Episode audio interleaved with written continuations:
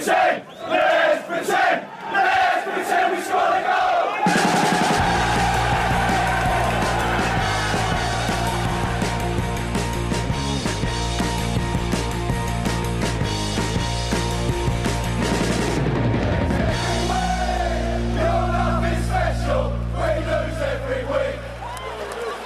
Sportbladets Premier League-podd eh, tillbaka här denna tisdag. Vi har en hel omgång som har spelats nu under helgen och Premier League-fotbollen fortsätter ju redan nu ikväll. Det är, det är Premier League-fotboll varenda dag i princip.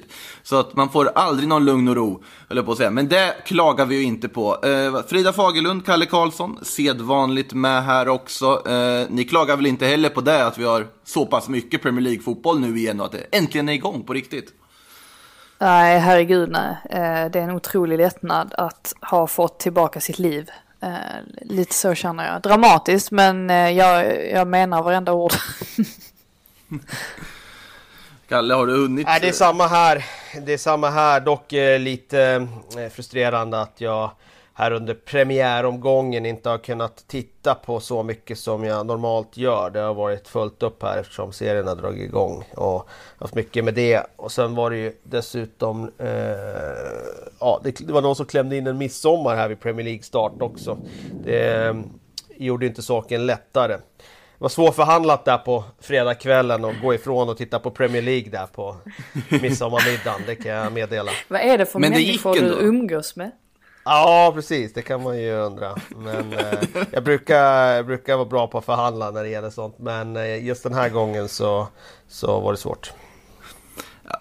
Det, det är vad det är, men det var ju som sagt midsommarfotboll. Vi kan väl börja där, då får vi väl se hur mycket... Så blir det upp till bevis hur mycket du faktiskt hann förhandla till dig av matchtid här, eh, Kalle. Spurs United är väl det kanske primära från midsommarkvällen. Eh, 1-1 slutade den matchen. Delad pott alltså för Tottenham och United i återstarten. Vad, några tankar till att börja med, allmänna funderingar kring det mötet? Eh, ja, nej, men ganska många tankar tror jag. Ehm, för det första så var det ju en väldigt bra match, alltså ur liksom, alltså väldigt högt eh, underhållningsvärde på den. Och jag insåg väl det eftersom man satt och tittade på Norwich Southampton precis innan.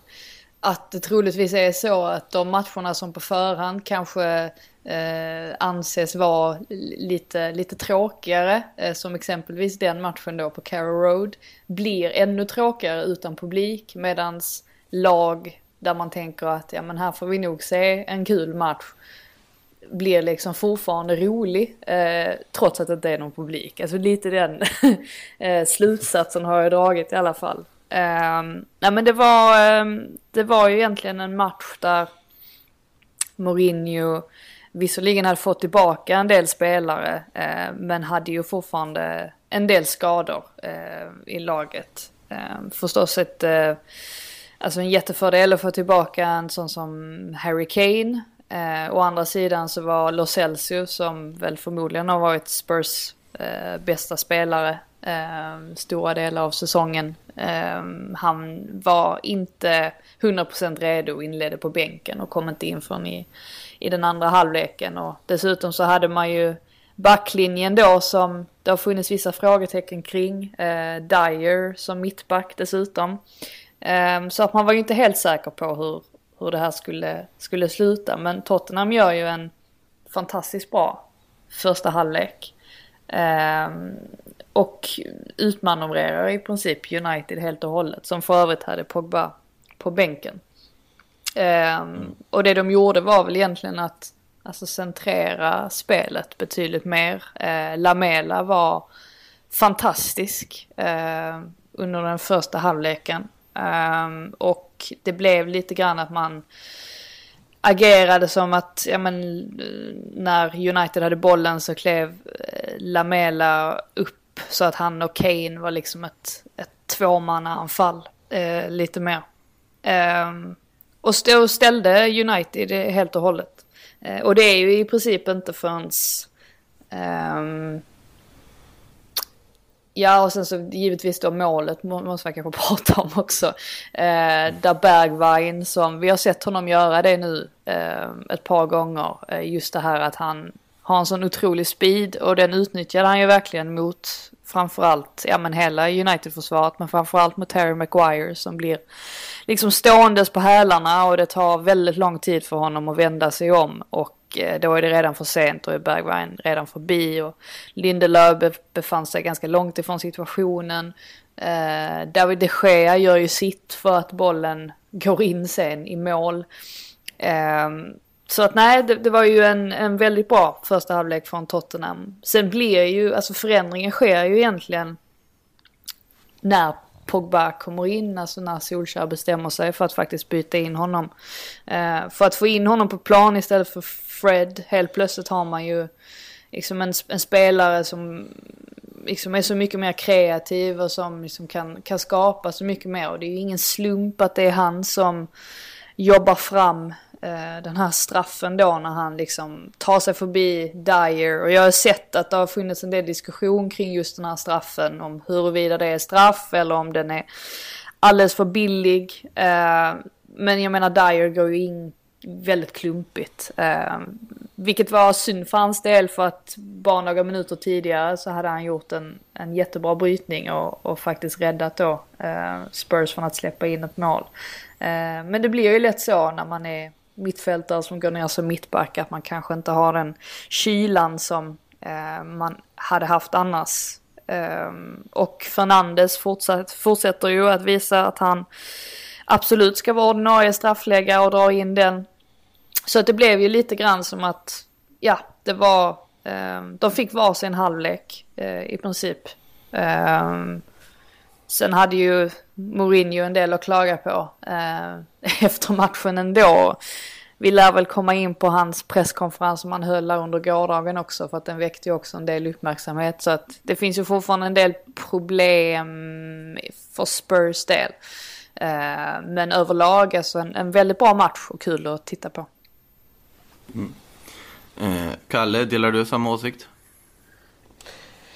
Ja, i stort kan man säga att eh, man märker att de är lite rostiga lagen sådär. Jag tycker att United ska göra det bättre i första halvlek. För eh, även om Tottenham kommer rätt in i det så, så eh, kändes inte så väloljat från Uniteds sida i första halvlek. Just det uppbyggnadsspelet. Och det, det är väl ett tecken på att Dels att de är lite rostiga. Å andra sidan har inte United sett så väl oljat under Solskär någon gång när det handlar om eget spel. Så, eh, mm, så att det, det, finns väl den aspekten också.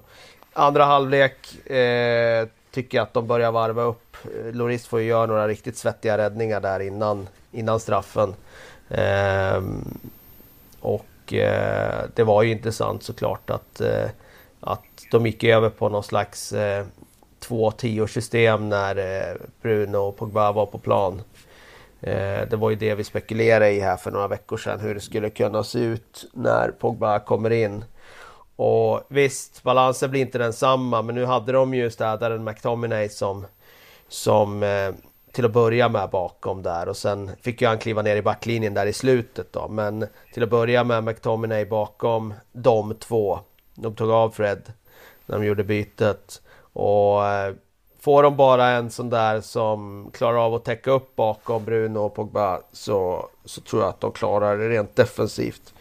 Det såg ju superintressant med båda de där på plan. Det var ju som att det var plötsligt var det två spelare som talade samma språk och sökte intressanta ytor. Och Bruno gör ju en helt otrolig aktion tycker jag när han Ja, direkt när han kommer in får han ju en passning av Pogba utanför straffområdet. På ganska liten yta. Just den typen av kombinationsspel som United haft svårt att genomföra under Solskär. Och han bara vänder på, liksom, på en femöring egentligen med bollen. Allt ser så estetiskt ut. Och så sätter han fram Martial till ett, till ett läge där. Så att eh, det var en försmak av att de kommer nog att och ha nya dimensioner i sitt anfallsspel nu om de kan få in båda de här på plan samtidigt. Det är jag rätt övertygad om. För så pass eh, intressant är det att ha två så kreativa spelare på plan. Vilket de inte haft på år och dagar egentligen. Mm. Eh, så att eh, jag tycker nog att det var till slut ändå med mer smak för Uniteds del eftersom de hade de där lägena där Loris faktiskt gjorde några riktigt svettiga räddningar. Eh, jag tyckte att de tog över rejält i andra halvlek där. Mm. Eh, måste ju sägas också att det är ju kul att se att Pogba kommer in på det inspirerande sätt han gör. För man har ju sett en Pogba tidigare när han har gjort korta inhopp som inte kanske varit på topp. Nu kommer han ju in med en helt annan energi och så vidare. Och liksom och spelglädje och sånt som borde båda väldigt gott för liksom United-fansen. Verkligen. Börjar ju med en glidtackling när han vann bollen och det är inte varje dag man ser han glidtackla till sig bollen. Eh, när han glidtacklar så brukar det snarare vara lite otajmat och snarare att han orsakar frispark. Men nu var det ju nere vid offensiv hörnflagga där han vann en, en duell genom att glidtackla till sig bollen. Så man såg ju verkligen att han var inspirerad. Det är ingen tvekan om det. Och, och ja, det var ett bra inhopp. Och, att kvaliteten finns där, det är, det är ingen som tvivlar på. Det handlar egentligen bara om att få ut den. Och, och eh, det har man ju inte fått, som alla vet, i United hittills. Utan det har alltid varit lite upp och ner när det gäller honom. Men det känns som att han tycker... Han borde tycka det är roligt att spela ihop med Bruno.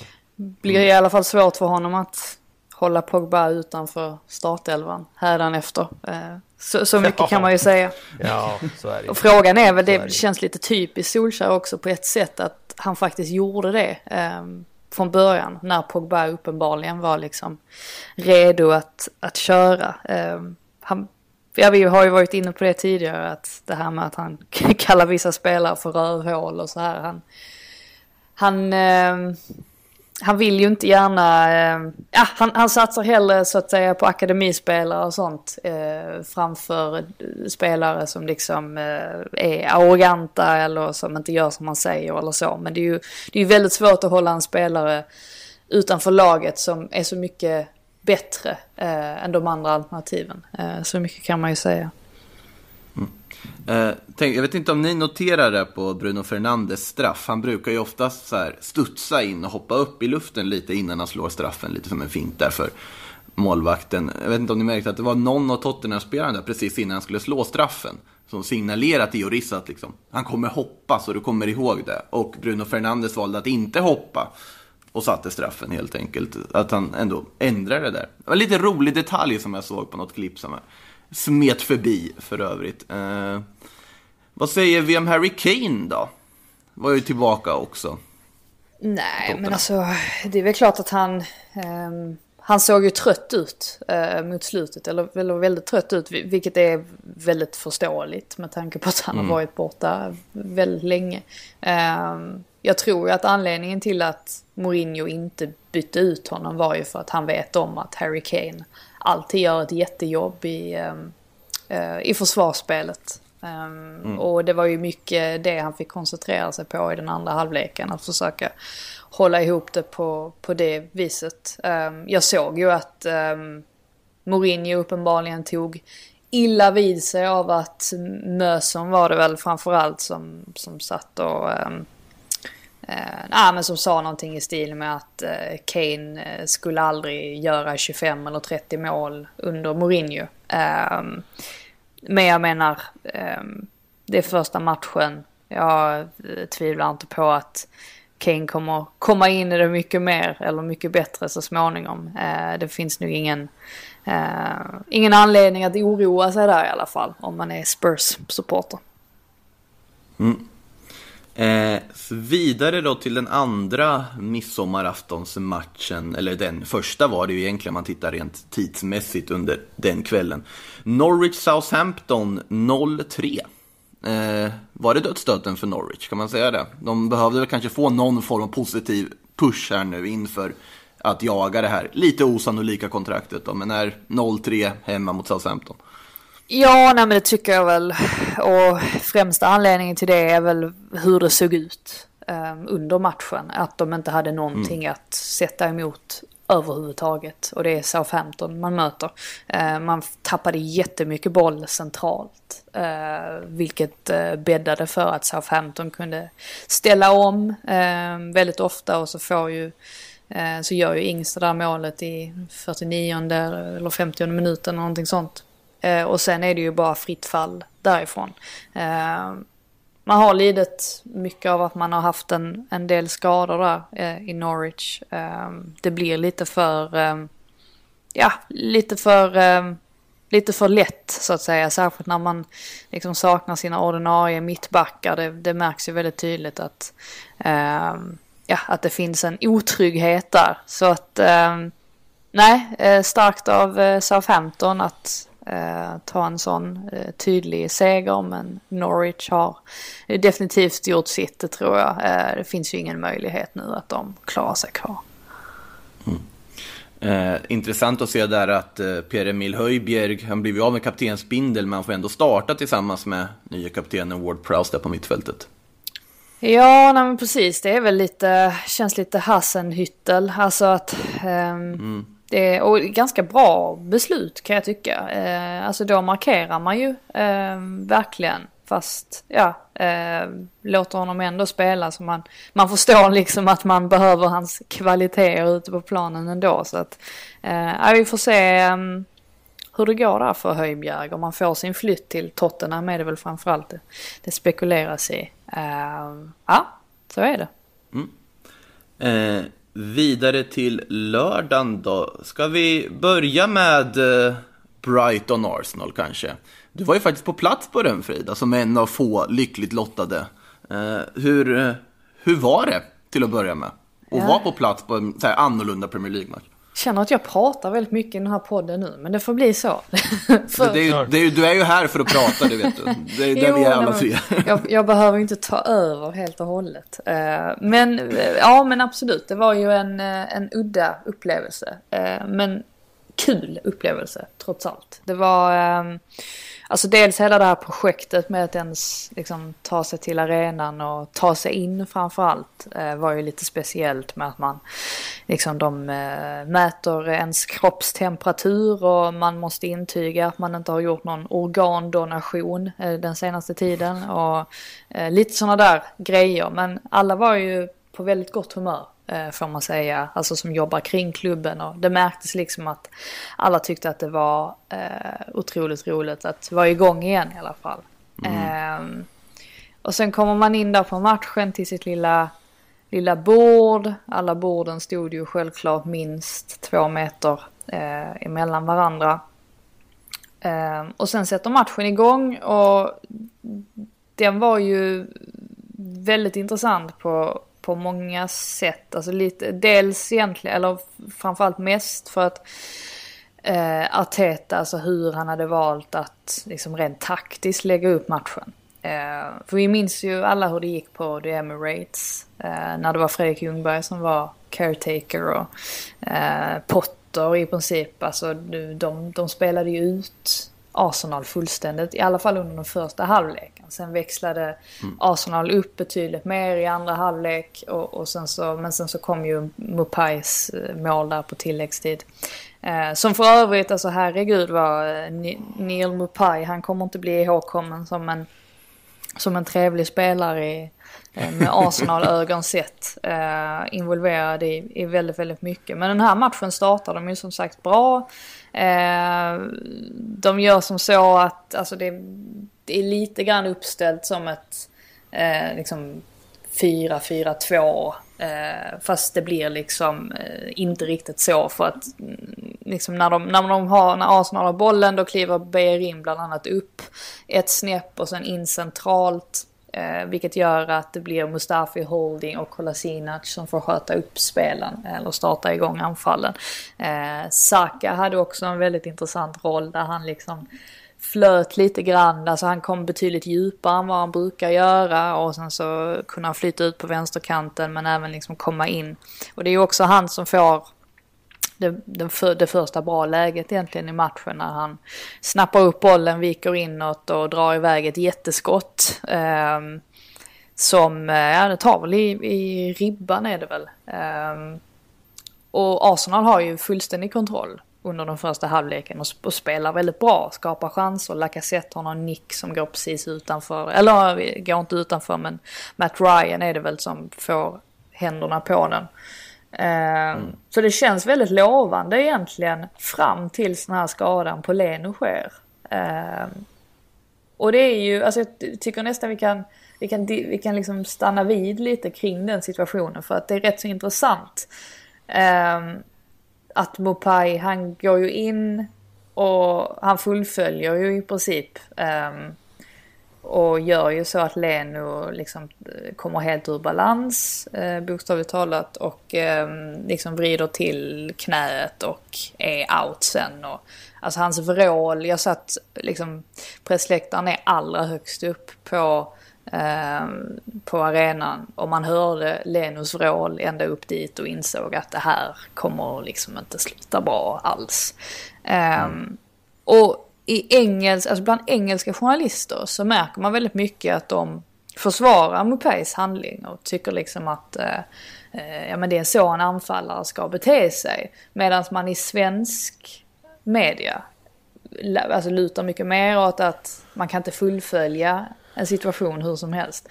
Ja, jag skulle vilja höra vad, vad ni, vad ni tycker alltså, om den situationen. Jag sätter mig någonstans mitt emellan skulle jag säga. För att alltså, jag tycker att Absolut, det är jätteonödigt av honom att gå in i en duell där, där, han inte, där antagligen inte kommer kunna vinna boll och så vidare. Men sen får du vända på det. Om en målvakt hade gått in så, i ett sånt läge, hade ju ingen egentligen ifrågasatt det på det här sättet. Du måste, måste ju få ske visst, det är ju inte med, så naturligtvis så har ju inte Mopay någon in, inställning att Leno ska bli skadad på det här sättet. Det är självfallet inte och det är onödigt, onödigt att gå in i den duellen på det här sättet. Men Ja, den har ju fått lite, jag tycker att man har väl varit lite hårda mot honom för den duellen sett till den effekt som den hade. Vet inte, vad säger du Kalle?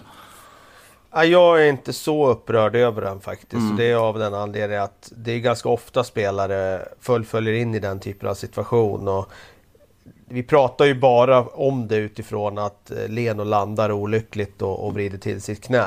Annars hade vi inte pratat om den alls. För att, eh, det blir ju max frispark på en sån där grej, det är inte mer. Utan det är ju ofta så när man kommer i hög fart och sen liksom kommer målvakten liksom, lite lätt hoppa in i målvakten. Ja, precis som du säger själv, hade målvakten... Målvakten kan ju göra betydligt mer utan att någon höjer på ögonbrynen. Eh, det jag tycker är farligast i sådana där situationer faktiskt, som är större skaderisk med, mm. som jag tycker är mer smutsigt faktiskt av forwarden, det är när han springer tillsammans med en försvarare och sen ger han försvararen en knuff. Så att försvararen liksom flyger in i målvakten. Det brukar det bli en del skador av. Det brukar ju faktiskt inte bli skador av att någon landar fel och, och vrider till sitt knä. Mm. Utan det är ju olyckliga omständigheter. Eh, så att nej, jag är inte så upprörd över det. Sen är jag jätte liksom bedrövad för Bernt Lenos skull. För han har mm. gjort, nu startat igång helt enormt bra här. Och jag tycker dessutom att han har inte fått riktigt den credit han förtjänar eh, under sin tid i Arsenal. För han har gjort det väldigt bra, tycker jag. Eh, och nu... Ja. Mm. Ja, jag vet inte hur länge han blir borta men risken är väl att han blir borta ett bra tag. Ja, det har inte kommit några klara besked men absolut. Alltså, han har ju varit ihop med Aubameyang så har han ju varit Arsenals bästa spelare den här säsongen. Eh, utan liksom tvekan. Eh, det... Ja precis och även när han kom där så tyckte jag inte han fick alltid crediten att han var en riktigt bra målvakt. Utan eh, eh liksom man highlightar något misstag men alla miss målvakter gör ju misstag så. Jag tycker att han ja. har gjort det riktigt bra sedan han kom. Tog vi lite tid också innan han fick spela överhuvudtaget. Alltså envisades, envisades inte Emery med att spela check där i början rätt mycket. Jo, uh, men det var väl inte så många matcher? Var det ja, det? var... Det kanske, nej, för Check var väl för, då, för dålig. Ja, han spelade väl ut sig själv där, ja, det var... Eh, ja, minns fortfarande den här eh, passningen mot City, helt obegripliga, där han liksom ja, höll på att göra... eget ja, mål, va? Otroligt konstigt. Men, men, eh, så, så var det i alla fall och Emmy Martinez kommer in gör en räddning direkt på ett eh, distansavslut från Moj, så han får ju en bra start i alla fall.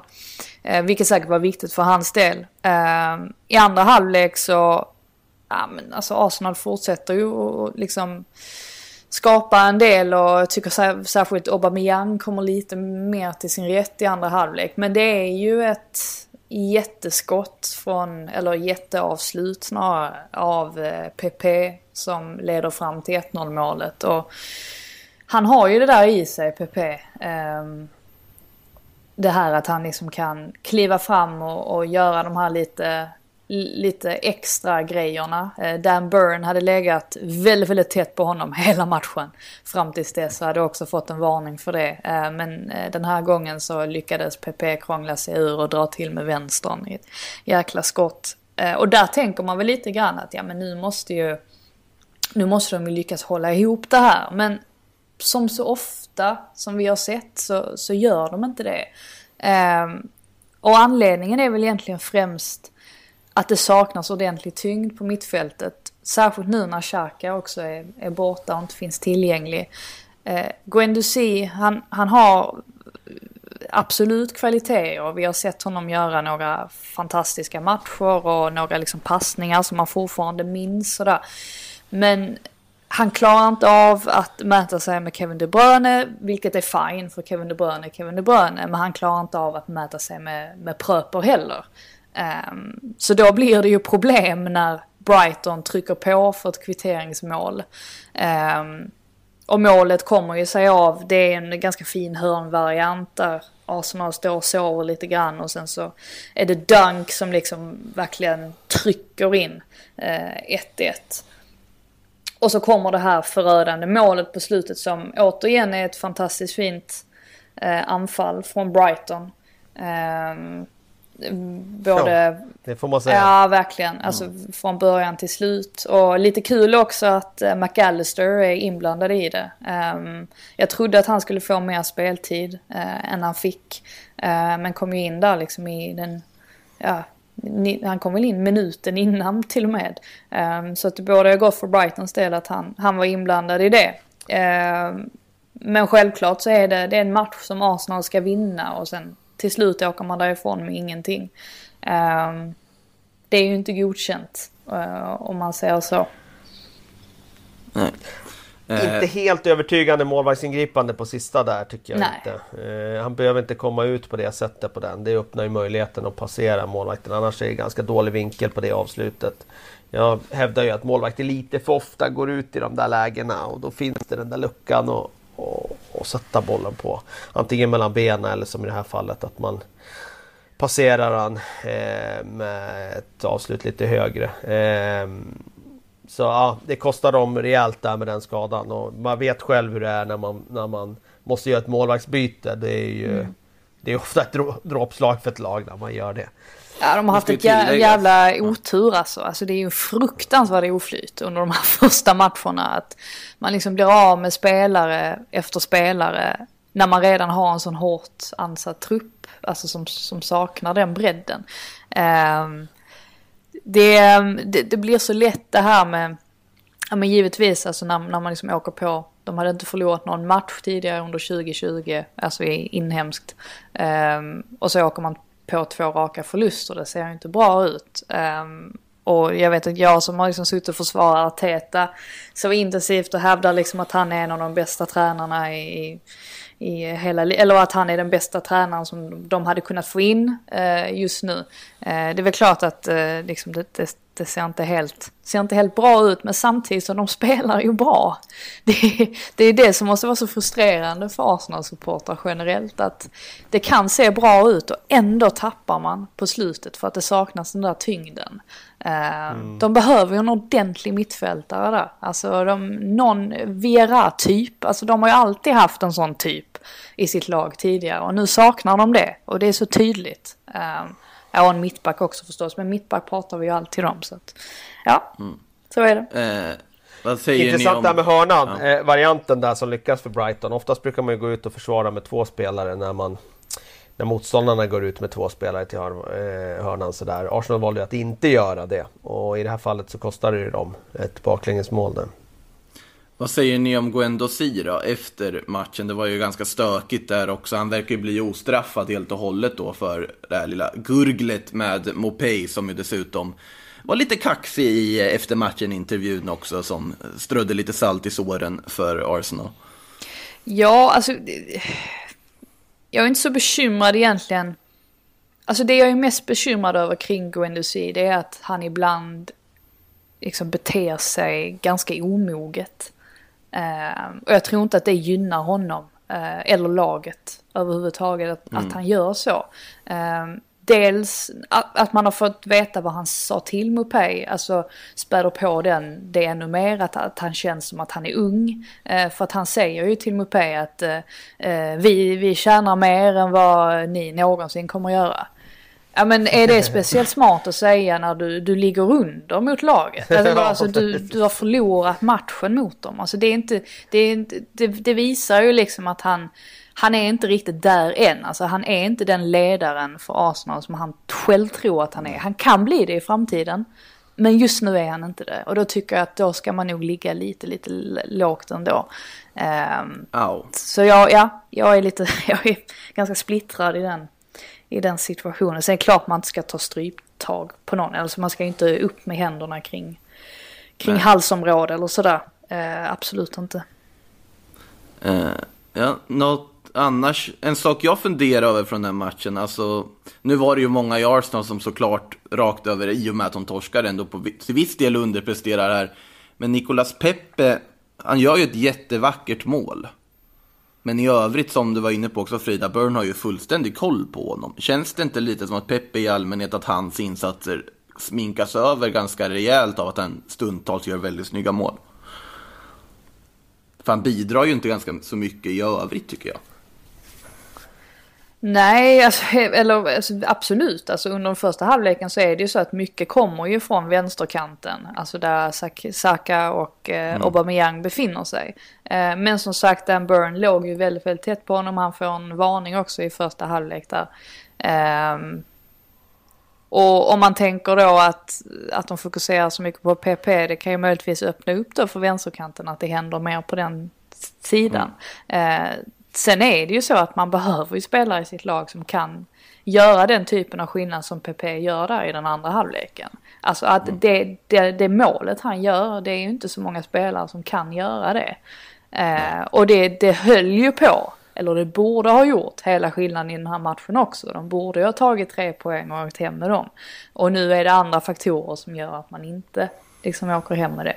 Eh, men absolut, alltså det är klart att det är, eh, att man kan begära ännu mer av honom, att han, han kan göra ännu, ännu större avtryck. Eh, I den här matchen var det ju andra, andra spelare som klev fram, onekligen. Ja. Eh, någon som man inte kan begära så mycket mer av, det är ju faktiskt Craig Dawsons kvitteringsmål där mot Leicester. Ja, men alltså, alltså, det var den sista spelaren man tror ska liksom gå in och ja, typ cykelsparka in en kvittering på övertid eller mot ett Leicester i en sån match. Eh, Watford-Leicester är det vi alltså vi har gått över till om ni undrar vad jag pratar om. 1-1 slutade den matchen, alltså tappade poäng för Leicester i Champions League-striden. Och också där på ett, i ett läge när Ben Chilwell gör det där, också väldigt snygga, alltså 0-1 målet, tänker man, ja men där, de lyckades få den där tre poängar till slut, även om det inte såg så bra ut. Men sen kommer Craig Dawson med en konstspark. Craig Dawson av alla människor. Och det blir 1-1. Tankar kring den tillställningen?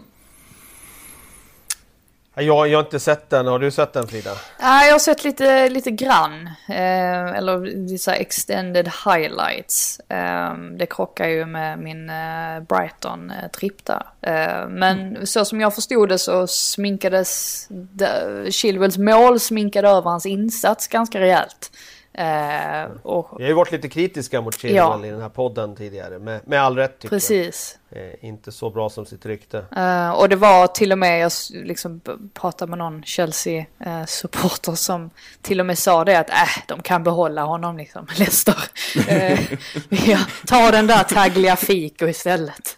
Uh, Den där Tagliafico också. Ja, mm. ja, nej men precis. Så att, ehm, eh, nej, det, det, var, det var ju tur för Chilwells del då att han fick göra det målet istället. Så han, ehm, så han slutade liksom på, på topp för, för egen del. Men självklart så är det ju en besvikelse för, för Leicester att släppa in mål så sent. Särskilt som nu att Chelsea gick och vann sin match.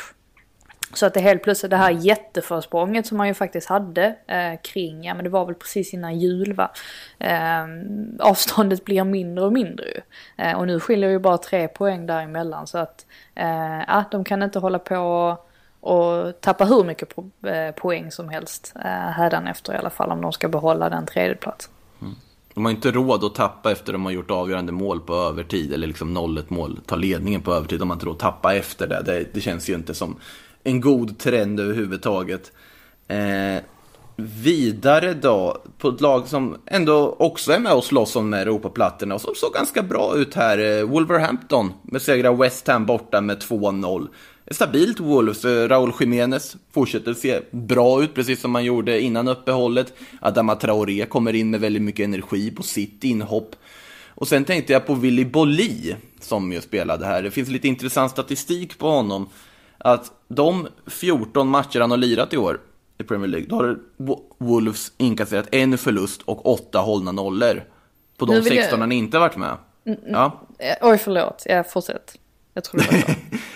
Nej, på de 16 han inte har spelat, ska jag tillägga först, så har det varit eh, en, fem förluster och enbart en nolla. Och man har släppt in i snitt då ett mål mindre i de matcher där Willy Bolli har spelat. Var, bara intressant statistik som mm. dök förbi här. Verkligen intressant statistik och den går inte att vifta bort för det är ett hyfsat stort underlag. Mm. Eh, det är en spelare som jag har fått ändra uppfattning kring. När de kom upp i Premier League så tyckte jag att han hade en riktig julgransfot och hafsade alldeles för mycket i, i uppspelen och, och, så vidare och var lite fladdrig. Men han har ju faktiskt växt ut till en jätteviktig eh, spelare och har ju överglänst den här säsongen tycker jag, Conor Cody i försvaret. Eh, så att eh, man är inte bättre än att man kan, man kan ändra sig kring en spelare och i det här fallet så, så är det bara att lyfta på, på hatten och, och, och säga, konstatera att han har gjort det väldigt bra den här säsongen stark, eh, enorm eget straffområde. Eh, förlorar väldigt få man-man-dueller. Eh, fortfarande har han lite brister i, i uppspel och så vidare men, men de, de spelar inte så mycket på det sättet heller. Så han, han behöver inte ha några spetskvaliteter just i, i, det, i spelet efter marken. Eh, så att eh, Ja, det är en, eh, det är en sån där spelare som, som tillhör det där gardet som är lite underskattade i ligan. Sen mm. får man ju säga Adama Traoré, vilket inflytande han hade efter att han hoppade in. Alltså det var ju, det var ju slående och det var intressant att David Moyes också sa det efter matchen där att de inte kunde hantera honom. Mm. Vackert mål av Pedro Neto också. Som eh, det får man säga. sätter pricken över i till den tillställningen. Ja, det får man säga. Det är en sån där volley som det sjunger i nätet när den sitter. Neto har ju också gått lite under radarn. Alltså han, han har vi inte pratat om sådär jättemycket. Eller det har inte pratats så mycket om honom generellt överhuvudtaget. Men han vi kan inte hålla koll på alla portugiser. De har. Ja, eh, precis. Det... Nej, men han hade ju någon match där Frida. Han hade ju någon match där Frida när han gjorde två mål mm. va? När man hajade till över honom. Ja, nu minns jag inte vilken motståndare det var mot. Men, men det var ju första gången man verkligen liksom ja, noterade honom och började fundera kring honom där. Eh, att det är en rätt bra resurs de har där i, i honom också. Eh, som de inte hade nog med, med duktiga portugiser där. Nej men exakt, mm. de har ju ändå, alltså de har ju ändå en viss, alltså de pratar ofta om att de inte har sån, sån stor bredd men alltså just där fram har de ju ganska hyfsad det, bredd ju. Eh, ja det har de. Mm. Vad säger vi om stackars West Ham då? Alltså det, det börjar ju se, eller det har ju sett mörkt ut innan också, men uh, här, man känns ju inte riktigt nära i den här matchen, även om det dröjer ett tag innan Wolf sätter sitt mål. Uh, ja, alltså det var ju en svag insats rakt av av West Ham också dessutom. Ja, alltså det som är mest oroväckande för deras del är väl att um de klev ju tydligen in alltså i den här liksom, eh, säsong, eller vad säger man, säsongsåteruppstarten. Eh, eh, mm. Med ganska gott självförtroende och tyckte liksom att nej men vi har tränat på bra. Eh, det här genrepet som de hade liksom det gick bra, alltså det såg bra ut. Men att de klev av planen efter den här matchen och, och kände precis tvärtom. Um, och det liksom har pratats om att Moyes har eh, liksom haft svårt att eh, liksom, få dem på banan igen nu, alltså rent mentalt liksom att de känner att uh, känner en viss hopplöshet. Och det bådar ju inte gott för att det kommer ju bli tajt där nere, alltså särskilt med tanke på att Watford nu tog en poäng och går förbi, alltså nu ligger ju West Ham otroligt risigt på det, står på samma poäng som Bournemouth dessutom som vi, och Bournemouth då som vi väl begär betydligt mer av eller som vi kan tänka oss har mer att ge ändå. Så att ehm, eh, nej, jag, jag, kan förstå West Ham-spelarnas oro men det är inte riktigt läge heller att, att gå runt och vara, och vara rädda eh, så att säga. Mm. Alltså på tal om Bournemouth, de kunde i alla fall trösta sig med att efter att ha torskat mot Wolves där så kunde de ju titta på och se Bournemouth också torska, vilket innebär att de ändå inte åker ner under nedflyttningsstrecket as of now. Eh, 0-2 mot Crystal Palace, även Bournemouth med en ganska svag insats här utan att riktigt vara nära. Värt att nämna där att eh, Ryan Fraser har spelat sin sista match för Bournemouth i alla fall. Nu skulle ju han oavsett inte förlänga det här kontraktet, men han spelar inte helt enkelt nu heller. Eh, hade man behövt Fraser i den här matchen tycker ni? Ja, nu har ju inte han varit lika bra den här säsongen skulle jag säga Nej. som förra matchen. Eh, eller förra säsongen, förlåt. Eh, Ja.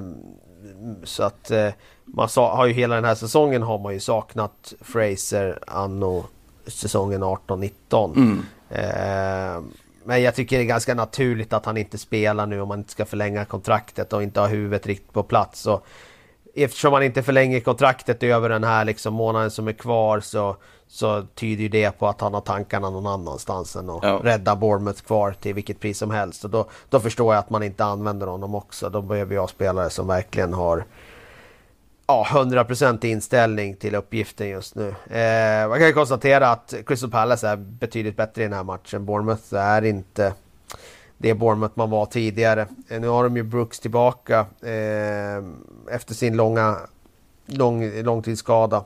Och det var ju positivt men det är ganska naturligt att han är lite rostig att laget inte riktigt är synkroniserat eh, eftersom mycket går, gick genom honom innan han var, blev skadad och, och, eh, och han eh, inte uppe i varv ännu. Så tycker jag väl att eh, man får lyfta på hatten också för Roy Hodgsons Crystal Palace. De gör en riktigt bra match, gör de. Eh, jag tycker att de... Eh, eh, ja, de, eh, de visar så många olika delar eh, i spelet. De har ett väldigt disciplinerat försvarsspel. Det är inte speciellt överraskande när det gäller Roy. För något han kan sätta sig det. Men de rullar ju verkligen upp. Eh, först är det ju ett jättefint frisparksmål av Milivojevic. Det är ju bara att njuta av. Eh, Många bra mål den här omgången ändå. Ja, det får man säga. Eh, Och sen det andra målet är ju jättefint. Alltså de rullar verkligen upp dem längs kanten och hittar snett bakåt från van Anholt och avslutar av Ayew. Alltså det är enligt skolboken. Så att, nej, de var, de var helt klart bättre i den här matchen. Tyngre, mer rejäla och eh, definitivt bättre i anfallsspelet eh, när det handlar om att liksom ta sig till målchanser. Josh King utskadad också eller? Det verkar, Ja, verkar som att det var ganska allvarligt dessutom. Uh, Eh, Det är väl också en spelare som inte heller har nått upp till den nivån som, eh, som man höll i fjol. Det gäller väl i och för sig många i Bournemouth så det är väl inget överraskande i och för sig. Josh King är dock en spelare man verkligen skulle be- kunna behöva om man på något sätt ska kunna rädda den här väldigt prekära sits man har hamnat i. Eh, Newcastle däremot, alltså på något sätt någon så här inverterad version av att eh, spela bra och inte få poäng, eh, spelar ju faktiskt ändå ganska bra här mot Sheffield United. Eh, vinner med 3-0 mot det här eh, Chris Wilder-laget vi har hyllat, alla har hyllat så pass mycket. Eh, den såg man ju inte komma direkt. Jo, eller... eh, Det gjorde man alltså? 3-0 hade jag inte trott. Men eh, Nej. jag blev rätt så fundersam när jag såg Sheffield United mot Villa där i eh, hängmatchen. Mm. Och tänkte att det här är inte alls det United som vi har vant oss vid att se. Ehm, och jag börjar bli mer och mer övertygad om att liksom, O'Connell verkligen är Sheffield Uniteds viktigaste spelare och, har varit deras bästa spelare den här säsongen. För att han har ju saknats nu de här två senaste matcherna och ersatts av Robinson som Robinson gjorde det hyfsat mot Villa. Eh, men i den här matchen så var han ju inte alls bra överhuvudtaget. Eh, och de kom inte till sin... De gjorde ju inte de grejerna som de är, är så duktiga på. Det här liksom med slå sina, sina liksom byta kant och slå sina crossbollar. Alltså det, det flöt inte på på alls samma sätt. Samtidigt som de Newcastle Alltså verkligen fick, alltså dels att eh, Saint Maximin var fantastisk, typ alla hans dribblingar lyckades ju. som han försökte med. Och det Eh, kan ha varit många kan jag tänka mig då. Ja, nej men det, det verkligen. Eh, han är ju fantastisk, fantastisk att, att bara titta på. Eh, och så just det här att det spelar ingen roll var på planen han är. Han testar ändå att dribbla och liksom göra, köra en överstegare.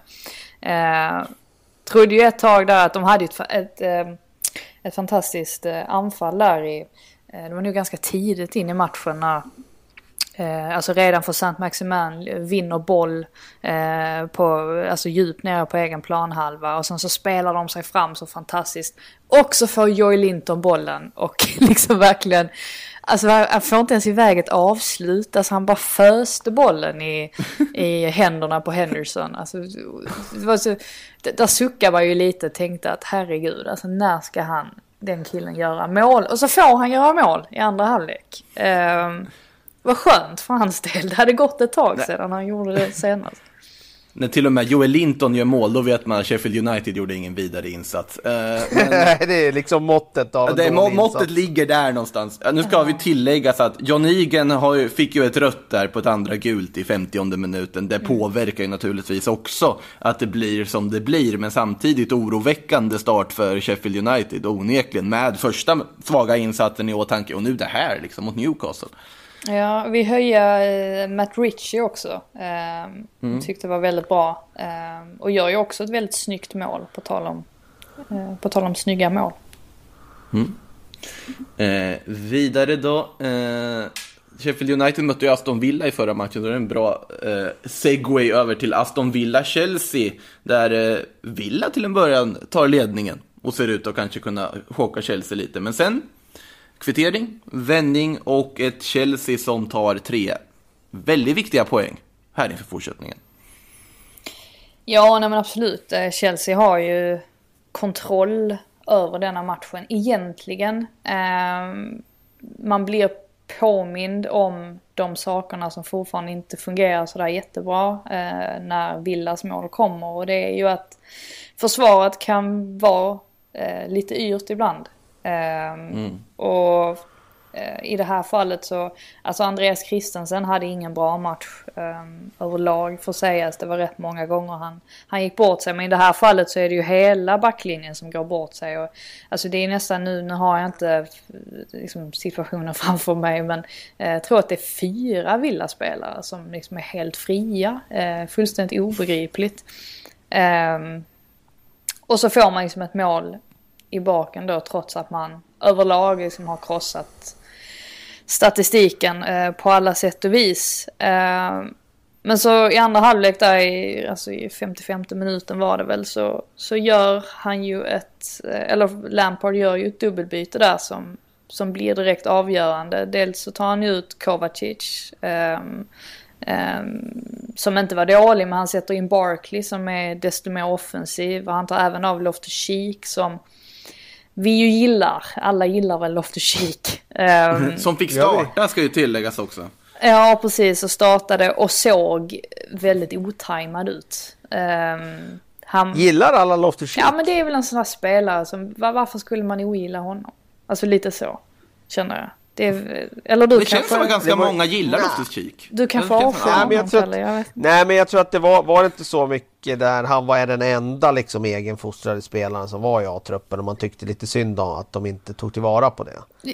Men nu när det är så många andra egenfostrade där så har han blivit lite bortglömd. Ja men det kan, kan, vi tycka, kan vi tycka det är kul för honom nu att han får göra sin första match på ett år. Det är väl, det är väl man, man undrar ja, väl honom ja, det. det är kul. Det är kul.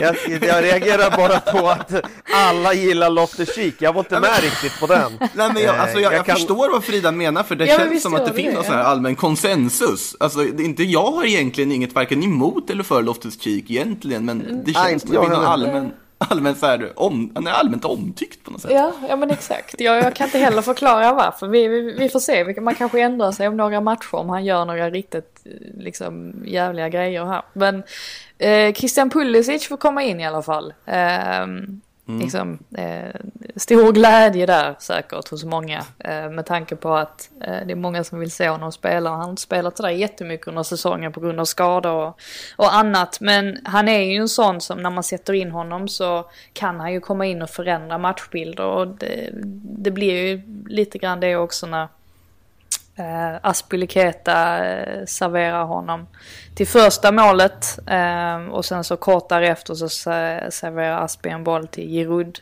som utökar till, eh, eller som då, ja, då har de ju vänt mm. matchen till 2-1. Var det Aspi på båda? Ja, Faktiskt. Ja, det är, och återigen, alltså vi pratade ju om Aspi som en av de spelarna som får alltså, för lite cred.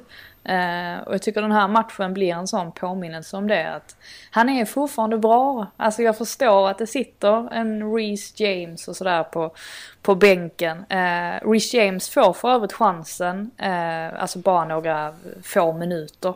Uh, kommer in och är fullständigt bedrövlig. Alltså tappar bollen tre gånger på tre minuter i farligt läge. Ja, alltså det var, det var ett av de sämsta inhoppen faktiskt man har sett. Och det är synd för hans del för att han har ju visat liksom väldigt goda tendenser. Alltså vid, vid tidigare mm. tillfällen. Så det blir lite sådär att lite oroligt ändå i, i Chelsea. Man såg att Lampard kollade på klockan liksom flera gånger mm. när den var uppe på 92 minuter. Han visste att det var två minuter kvar men de håller ihop det i slutändan. Och nu som sagt, alltså, nu närmar de sig ju Leicester. Eh, tre poäng upp. Å andra sidan ställs man mot City nästa omgång. Eh, och eh, ja, det, det är ju en lite tuffare match om man säger så. Mm. Eh, det känns med Pulisic som att det är en spelare som man ofta glömmer bort att Chelsea faktiskt värvat in. Nu är ju han fortfarande i någon sorts akklimatiseringsfas till Premier League och till att spela, för att han är ju tänkt som en framtida startspelare, allt annat hade varit jättekonstigt. Men när du kommer in Ziyech och Werner och så vidare, pratat om Havert och hej och hå. Och du har ju faktiskt Pulisic också som ska in i den här ekvationen på något sätt. Det blir jätteintressant att se hur Lampard lyckas pussla ihop det här med alla de här offensiva stjärnorna. Och sen Abraham och Mount och alltihop på det.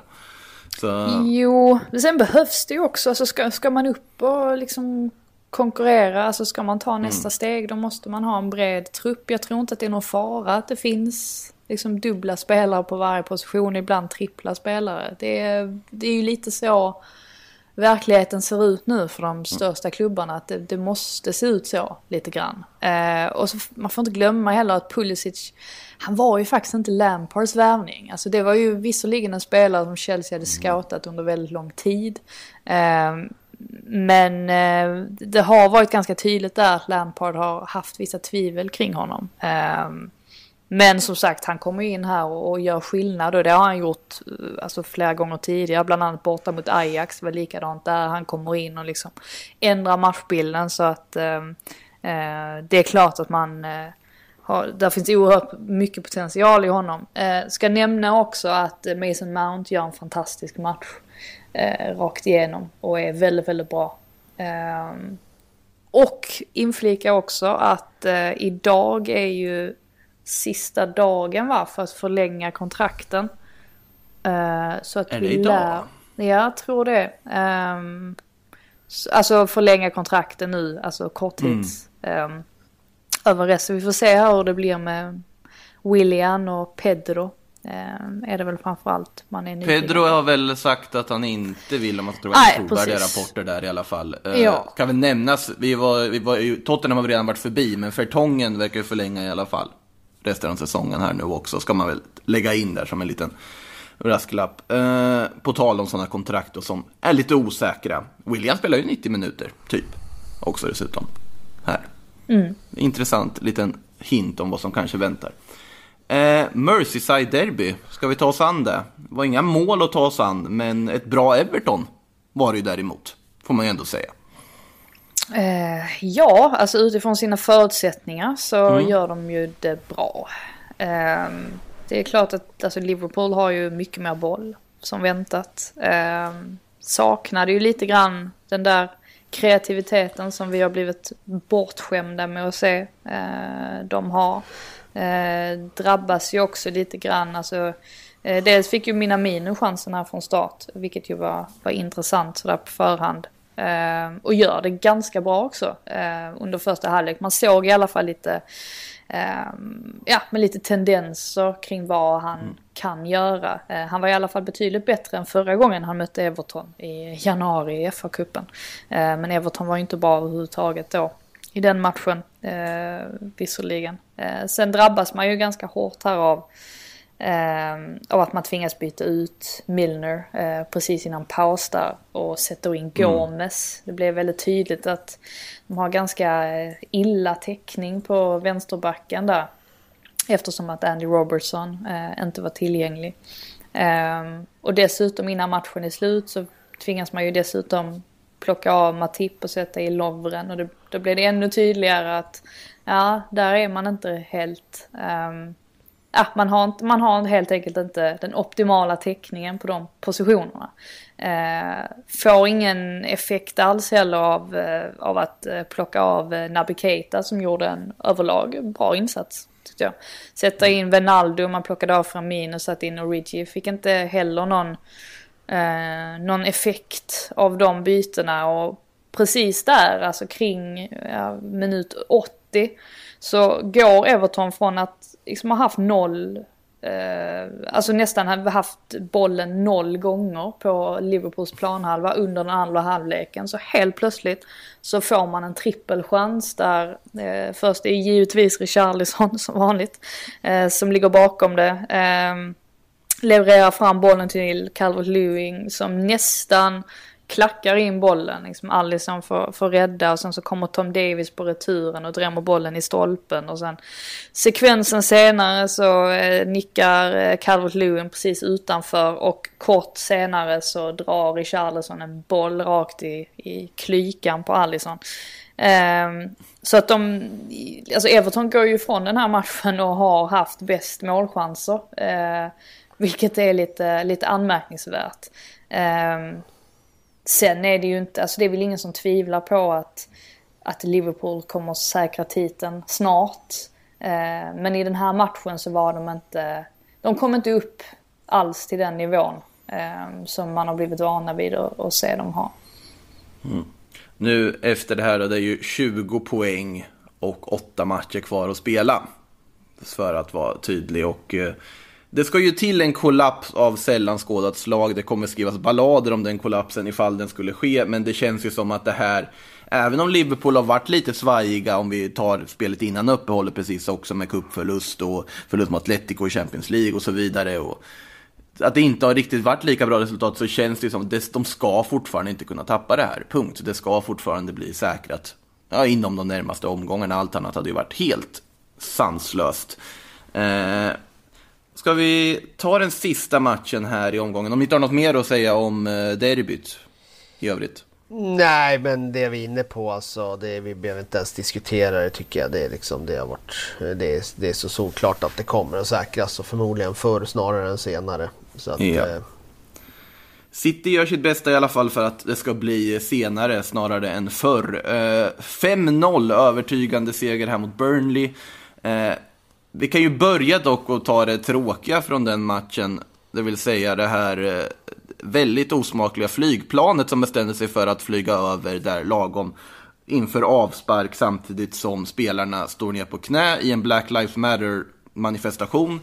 Så kommer det då ett flyg uppe på, ja, över arenan på Etihad där som det står White Lives Matter Burnley. Eh, ett flyg som, det var väldigt fint att se Ben Mis ord om det efter matchen. Han sa det, det påverkar faktiskt spelarna. Han sa att det här står vi absolut inte för. Att det kom in i 2000-talet för helvete. Lite så helt enkelt. Eh, så det var ju en smolk i bägaren på den här matchen som ändå måste tilläggas att det, det finns ett problem i England också. Eh, City Burnley, om vi tar fotbollsmässigt då, Phil Foden, två mål. Riyad Mahrez, två mål. Bredd, men det visste vi kanske att City redan hade. Ja, jag tog ju in Phil Foden här i, i Sportbladet Manager här inför slutklämmen. För jag anade oh, att han skulle få förtroende nu. Ja, och eh, det ångrar jag inte på något sätt. Utan jag anade att nu när det, de var inte jättemycket att spela för eftersom de... Ja, de kom, man anar ju att de kommer i alla fall ta en position två eller tre i vilket mm. fall som helst. Och det är väl ett perfekt tillfälle nu att spela honom och ge honom full förtroende. Så, och han visar ju att han är redo att vara David Silvas eh, arvtagare. Och det är bara att hoppas att han får en roll lite mer centralt nästa år. Han har ju skuffats ut på kanten, det vi pratat om flera gånger den här säsongen. När han väl har fått chansen. Och det är ju inte riktigt en ärlig chans för honom för att han är ju ännu bättre när han får vara spindeln där inne och, och dra ihop trådarna och, och eh, få så mycket boll som möjligt. Så att eh, det är bara att hoppas att han eh, får den där möjligheten. Vi har ju pratat om honom så länge nu i tre års tid och han har bidat sin tid verkligen på bänken i, i City och fått hoppa in lite här och lite där. Men eh, han visar ju nu att han är redo till nästa, ja han är redo redan nu men, men eh, till nästa säsong då ska han vara gjuten i en elva och han ska spela bredvid De Brene. Och det kan bli jätteintressant. Mm. Frida, dina tankar om matchen?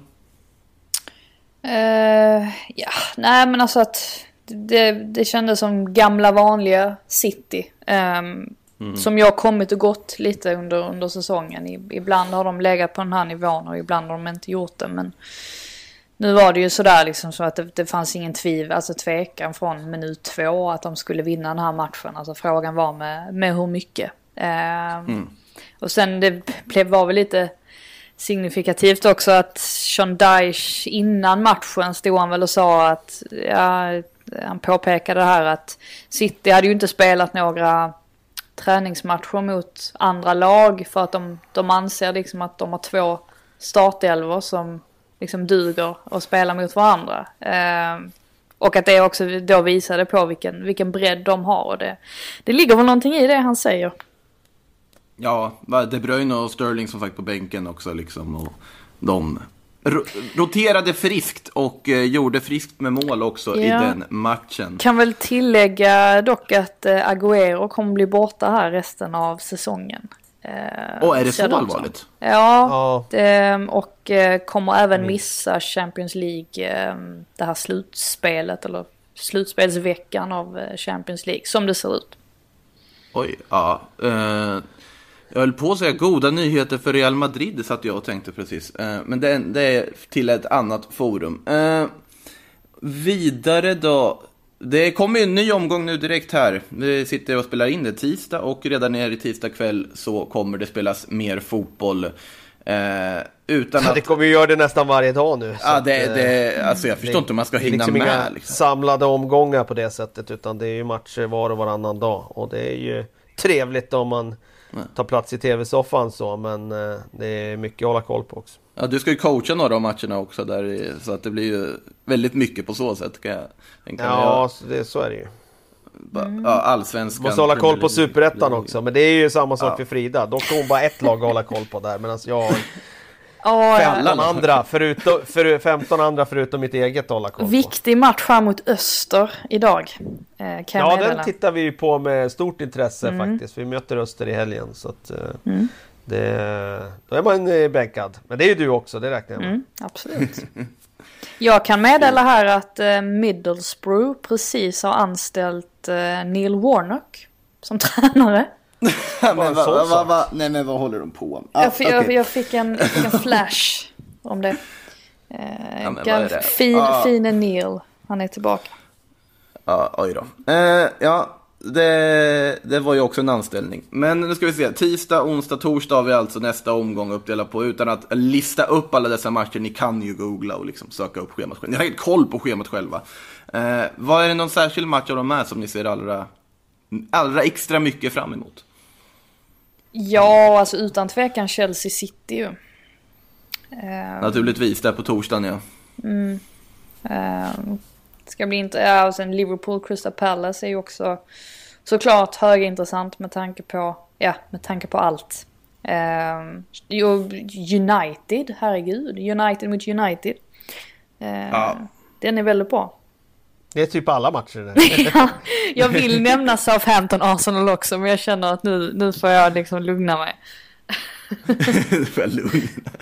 Nej, jag, Spurs West Ham ikväll säger jag. Kan bli lite intressant också. Där jag, jag gillar att se lag som är totalt i liksom botten, alltså helt förstört liksom. Och se West Ham där försöka på något sätt rädda någonting mot Spurs kan bli lite intressant. Det var ju Mourinhos första match när han tog över, om jag inte minns helt fel, eh, på eh, London Stadium.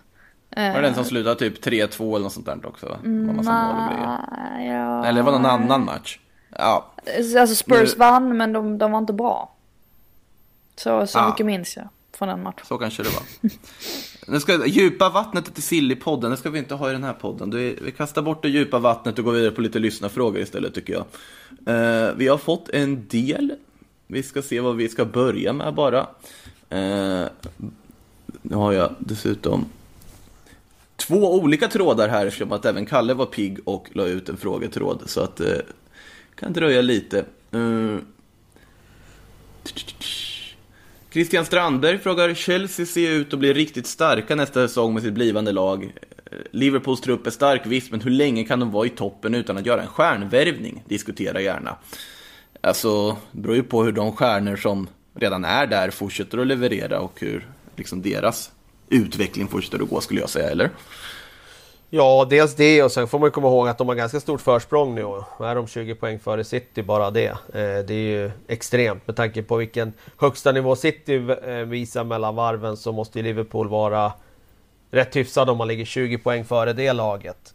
Och att de andra lagen då som ligger ännu längre efter bara ska äta ikapp det eh, bara för att man gör någon värvning här och där det tror jag inte. Man kan komma närmare och det tror jag att man gör nästa år, definitivt. Men att eh, Liverpool är i toppen för att stanna de närmsta två, tre åren, det tror jag inte det råder några tvivel om alls. Sen är det som är faran för Liverpool med, det är ju om sådana som Mané skulle lockas till av ditt Real Madrid till exempel. Eh, då då är det en annan sak, för när man börjar förlora sina bästa spelare, då är det en annan sak. Men mm. så länge de behåller det här laget, det är ju inte någon jätteålder på några spelare i startelvan som är bärande heller. Eh, så att, eh, nej, jag, jag, jag har ju redan delat ut titeln till dem för nästa säsong också.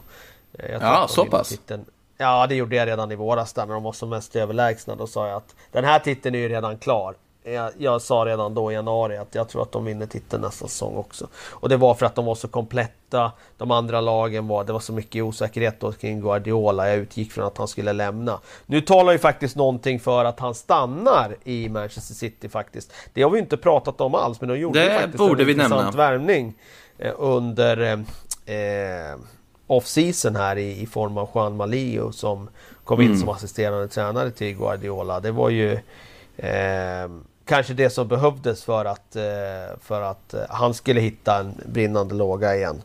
Eh, Leo har ju varit en av hans inspiratörer, verkligen. Mm. Och ehm, jag tror inte att han plockar dit honom nu för att bara vända på klacken och gå. Nej, nej han är ju inte där för att typ lära sig av Guardiola under sommaren för att ta över något sånt där. Utan Guardiola blir ju kvar nu. Jag vet att jag själv har sagt hela tiden att men han kommer lämna, han kommer lämna. Nej, det kommer han inte göra. Nu kommer Leo in och det känns som att det här går åtminstone ett år till. Ja, precis så. För Leo är inte tilltänkt heller för att vara huvudtränare. För mig är han ju... Han är ju um som vin, um som vatten. Alltså han är ju en otrolig ideolog och jätteintressant sådär eh, att lyssna på. Men eh, hans resultat är ju inte alltid liksom topp. Utan eh, jag tror inte han är en huvudtränare för Manchester Nej, han, City. Det tror jag inte. Han ska ju vara där och säga Absolut kloka inte. ord. Viska dem i örat på Guardiola i princip. Ja, exakt. Ja. Eh, när du ändå är inne på City kan vi ta Hugo Alfredssons eh, fråga. Du var ju inne lite på det med Foden här. Är Manchester Citys läge just nu det bästa som kunde hända för Foden? Det har ju i princip inget att spela för, är alldeles för bra för att tappa andra platsen och han, han kan äntligen få spela mycket, kan bli livsfarlig nästa säsong.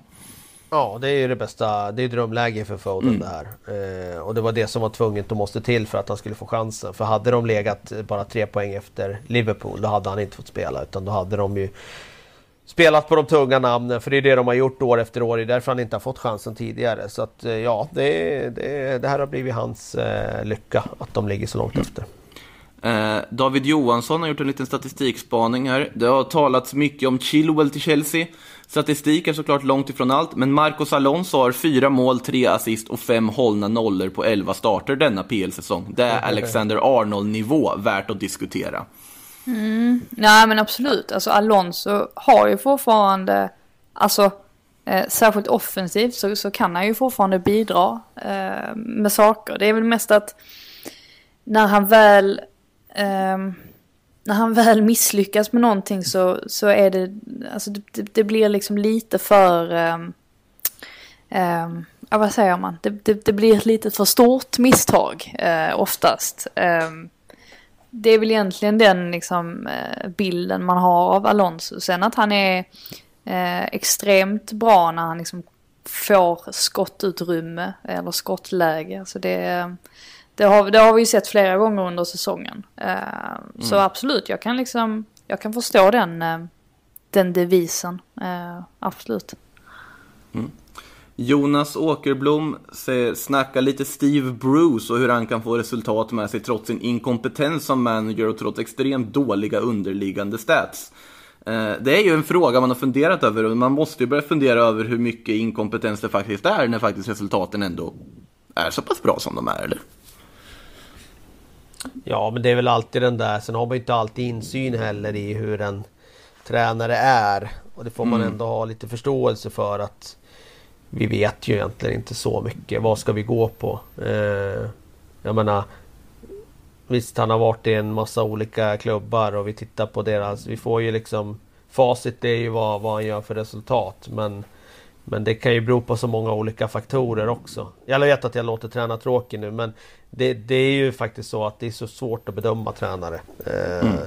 Du kan ha en, en tes men eh, du vet ju inte. Och sen är det ju mycket det där också att det som funkar på ett ställe behöver inte funka på ett annat ställe. Och det kanske är så att Steve Bruce med sitt ledarskap är en symbios med just den situationen som Newcastle befinner sig i. Kändes hopplöst inför säsongen. Det blev det som ännu mer pyspunka på de där förhoppningarna när han presenterades. Så det är liksom som att de, de gräver sig tillsammans ner i dyn liksom. Men när de väl är nere på botten så finns det bara en väg och det är uppåt liksom. Och de har ju faktiskt eh, överträffat förväntningarna mer än faktiskt nästan alla klubbar i Premier League den här säsongen får man säga. För det var många som tippade honom som jumbo.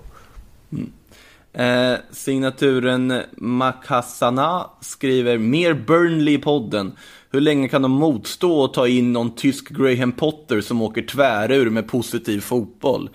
Eh, alltså, det funkar ju för Burnley fortfarande. Det är det som är lite fascinerande på ett sätt. Verkligheten har ju på något sätt inte kommit ikapp där. Alltså spelmässigt. Nej, eller vad, vad menar du med att verkligheten inte har kommit ikapp? Alltså vad... Ja, men alltså, jag menar, alltså rent liksom spelmässigt, man spelar ju en väldigt, vad ska man säga, troglodytfotboll är ju ett uttryck. Det är ju inte den här moderna fotbollen som man brukar prata om på något sätt, utan och det är ju vad ett annan är typ modern fotboll. fotboll egentligen? Alltså det är ju... Det, det, det, Slå tre att folk- passningar inom laget. tycker folk ofta är lite för, eh, lite för hårda mot 4-4-2. Alltså vad, liksom, när blev det helt plötsligt så hemskt? Eh, Ja, men det är väl inget hemskt med 4-4-2 som formation egentligen, det är väl mer liksom, alltså nej, men, men vad, om man var Burnley, skulle man då liksom, nej nu ska vi plocka in en jättespännande tränare och sen så sätter vi allt, alltså vi riskerar den här... det ska man liksom, absolut mitten- inte göra tycker jag. Mitten, ja, men alltså, absolut, man kan göra det. Som i Brightons fall, de har ju gjort det. De tog in Graham Potter för, och liksom gjorde sig av med, eh, med Chris för att de, de ville börja spela på ett annat sätt. Och de ville liksom eh, ha en mer långsiktig strategi på så vis. Och det är ju fine, men det kommer ju med en viss risk. Vi såg ju Southampton göra samma sak för x antal år sedan nu. Eh, där det höll på att gå helt åt skogen och höll på att åka ur. Så att eh, det är ju, det är ju, alltså det är ju det är ett riskfyllt spel. Och så länge Burnley ligger där de ligger, alltså i mitten av tabellen, alltså de är ju, de är ju liksom en poäng efter Arsenal nu, två poäng, liksom, eh, ja, de som liksom ligger precis under och, och ska slåss upp och slåss om Europaplatser. Då finns det ju ingen anledning att, att ändra på det, alltså kan jag tycka. Ja, alltså det besvarar ju faktiskt frågan också här att det finns ju ingen anledning för Burnley att eh, ändra någonting där. Alltså, om man nu får kalla det så, så säger man så här att det finns ju större anledning att eh, liksom behålla stenåldersfotbollen om vi säger så. Än, det är nog större behov av att kasta bort eh, stenålderstänkande supportrar som hyr flygplan istället i den klubben om vi säger kort och gott. Eh, vidare eh, ska vi ta en sista fråga innan vi stänger butiken. Det är många frågor här faktiskt idag. Eh, var någon jag såg här som jag tyckte var lite... Ja, Marcus Ahlström säger det är oavgjort läge. 10 minuter kvar. Du måste byta in Dejan Lovren eller David Luiz. Vem väljer du? jag tar Dejan Lovren faktiskt. eh, David Luiz är så otroligt opolitlig. Eh, för nu pratar han eh, och frågeställaren där om att stänga en ledning va? Visst var det så? Eh, oavgjort läge. Eller ligger vi under? Oavgjort läge? Ja. Mm. Det beror på är kryss. motstånd, då- säger jag. Det Precis, det beror på om man, om, man, om man verkligen vill vinna matchen hade jag bytt in David Luiz, hade jag velat försvara mig hade jag bytt in Dejan Lovren. Ja, jag säger samma sak tror jag. Visste ni att eh, Lovren kan hålla andan under vattenytan under fem minuter? Är det så? Det är rätt länge. Det är väldigt Det är länge. länge. Det är... Djupt vatten kan han vara inne på som vi allt som ofta är i, i alla fall i Sillypodden. Nu är vi ju PL-podden återigen. Eh, med det sagt, eh, Premier League fullt igång alltså. Frida, Kalle, sedvanligt jätteroligt att surra med er och hoppas ni har en fortsatt otroligt trevlig tisdag. Får jag börja med att säga. Samma. Detsamma. Ha det gott och det hoppas jag att ni lyssnare har också. Hej då.